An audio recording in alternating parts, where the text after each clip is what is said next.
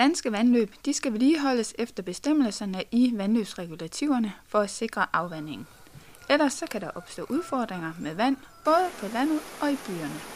Men danske vandløb og åer strækker sig over mere end 65.000 km, altså en halv gang længere end jordens omkreds. Og vandløb og åer er meget varierende i størrelse, samtidig med at deres skikkelse og vandføringsevne ændrer sig med tiden.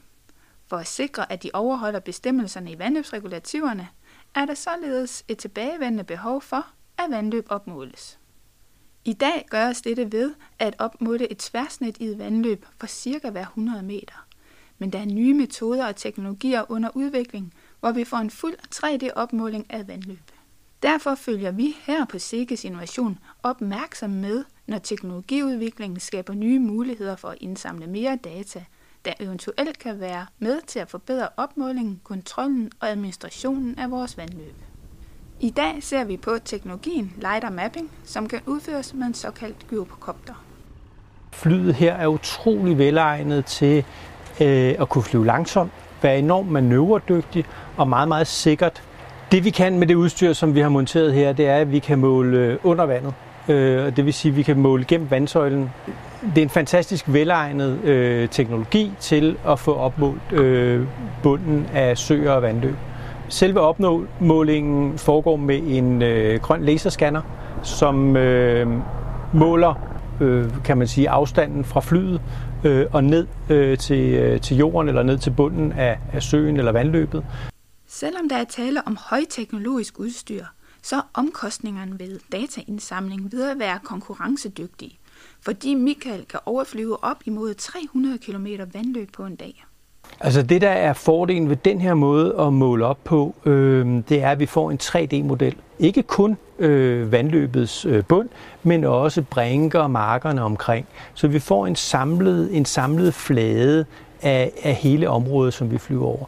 Samtidig med, at vi laver den her laserscanning, øh, der har vi et kamera, som tager nogle højt opløselige billeder, som betyder, at vi øh, får et, et utroligt godt visuel repræsentation også af, af den opmåling, vi har lavet. Nogle gange kan det være svært at se, hvad er det, vi har, hvad er det, vi har i vores opmåling. Er det, øh, er det grøde, eller er det sten, øh, der ligger i vandløbet? Michael flyver i ca. 150 meters højde, og han scanner og fotograferer både på vejen ud og hjem for at minimere risikoen for fejl i data.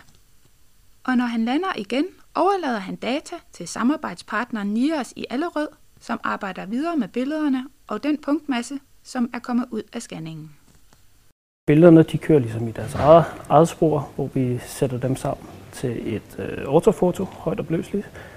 Øhm, og, og punktskyen, den er jo, kan man sige, en, en hel masse punkter, og nogen har ramt øh, terræn, nogen har ramt øh, træer og buske, øh, og nogen har ramt øh, vandet og, og det, der sker nede, nede under vandet. Med den grønne laser, der skal man korrigere alle de punkter, der ligesom ligger under, under vandoverfladen, fordi at læseren øh, bruger længere tid på at komme igennem der. Øhm, så, så første skridt i det her, det er egentlig at gå ind i, i den her datamængde og tage stilling til, hvad er det for nogle øh, punkter, der er, er vandoverfladen, og så, øh, og så hive dem ud. Og så kører der sådan en, en korrektion, så alt, under, alt data under vandoverfladen, det, det bliver ligesom rykket, rykket på plads. Og så derfra begynder vi at, at gå ind og, og køre nogle automatiske rutiner, der, der ligesom øh, klassificerer punktskyen. Der, der er noget støj, der er øh, terræn er vigtigt i, i den her sammenhæng med, med, med vandløb, øh, sådan at vi får den bedst mulige beskrivelse af, af, af både terrænet over og øh, under, under vandet. Altså man, kan, man får fornemmelsen af her, at vi har øh, GPS-punkterne, og vi har vandoverfladen, og man ligesom kan kigge ind i, øh, hele øh, ind under og se, hvordan det hele forløber her. Øh, nu prøver jeg at bevæge profilen øh, langs, langs vandløbet her, stille og roligt. Hvordan ser det egentlig ud, og giver det så mening bare kun at, at måle hver 100 meter, øh, når man har et profil, der egentlig ændrer sig så meget, som det gør her. En anden ting, man også, også kan, nu har vi jo kigget på tværprofilerne, det er, at vi kan kigge på, på længdedelen, og så få en eller anden idé om, øh, hvordan øh, forløber øh, vandløbet. Øh, er der nogle øh, bump på vejen? Er der nogle stejle steder? Øh? Før teknologien for alvor kan rulles ud, skal data fra LiDAR-mappingen sammenlignes med de traditionelle opmålingsmetoder. Og det er sådan set også det, vi har i første omgang arbejdet med her, det er at holde det op imod sådan en traditionel opmåling øh, øh, foretaget med GPS. Så vi har lavet, kan man så sige, lavet et setup, hvor vi har lavet en masse tværprofiler i forskellige vandløb. Også nogle, hvor vi har målt dem op øh, på sådan regulativmæssigt øh, niveau. Øhm, og, hvad det hedder. og så har vi målt dem op med, med grønt liter, og så kan vi sammenholde de to målinger. Og, og der har vi sådan fået lidt forskellige resultater, afhængig af, kan man så sige, forholdene i vandløb. Vi har både taget nogle store vandløb og nogle helt små vandløb. Fordi i, i første omgang, kan man så sige, der ser vi jo de her data sammen med de her GPS-profiler. Noget andet er at se de her data alene, hvor der ikke er nogen kontrol på, om man så må sige. Og der skal man jo helst nå derhen, at man har så stor tillid til, til, til teknikken, at man, at man er sikker på, at den kan stå alene. Øh, jeg tror, der er et, stykke, et, et lille stykke vej endnu der. Altså, vi skal gøre os flere erfaringer med de her teknikker, og de skal udvikles mere. Hos NIOS er de dog ikke i tvivl om, at LiDAR-teknologien, 3D-dataene og de detaljerede ortofotos rummer nye muligheder, som i fremtiden kan anvendes i vandløbsadministrationen. På den måde kan det blive en helt game changer, både på den måde, man, man ser vandløb, og den måde, vi arbejder med vandløb på.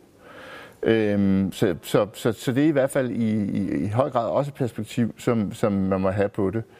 Øh, og så er der så nogle andre aspekter af det, som man også jo kan begynde at, at bruge det her til. Altså i, hvad det hedder, i øh, vandløbssammenhæng kan man jo kigge på vegetation, kortlægge vegetation, øh, måske kortlægge vegetation både over og under vand. Og der er også nogle muligheder for i virkeligheden at gå ind og kigge på noget økologi, vandløbsmorfologi.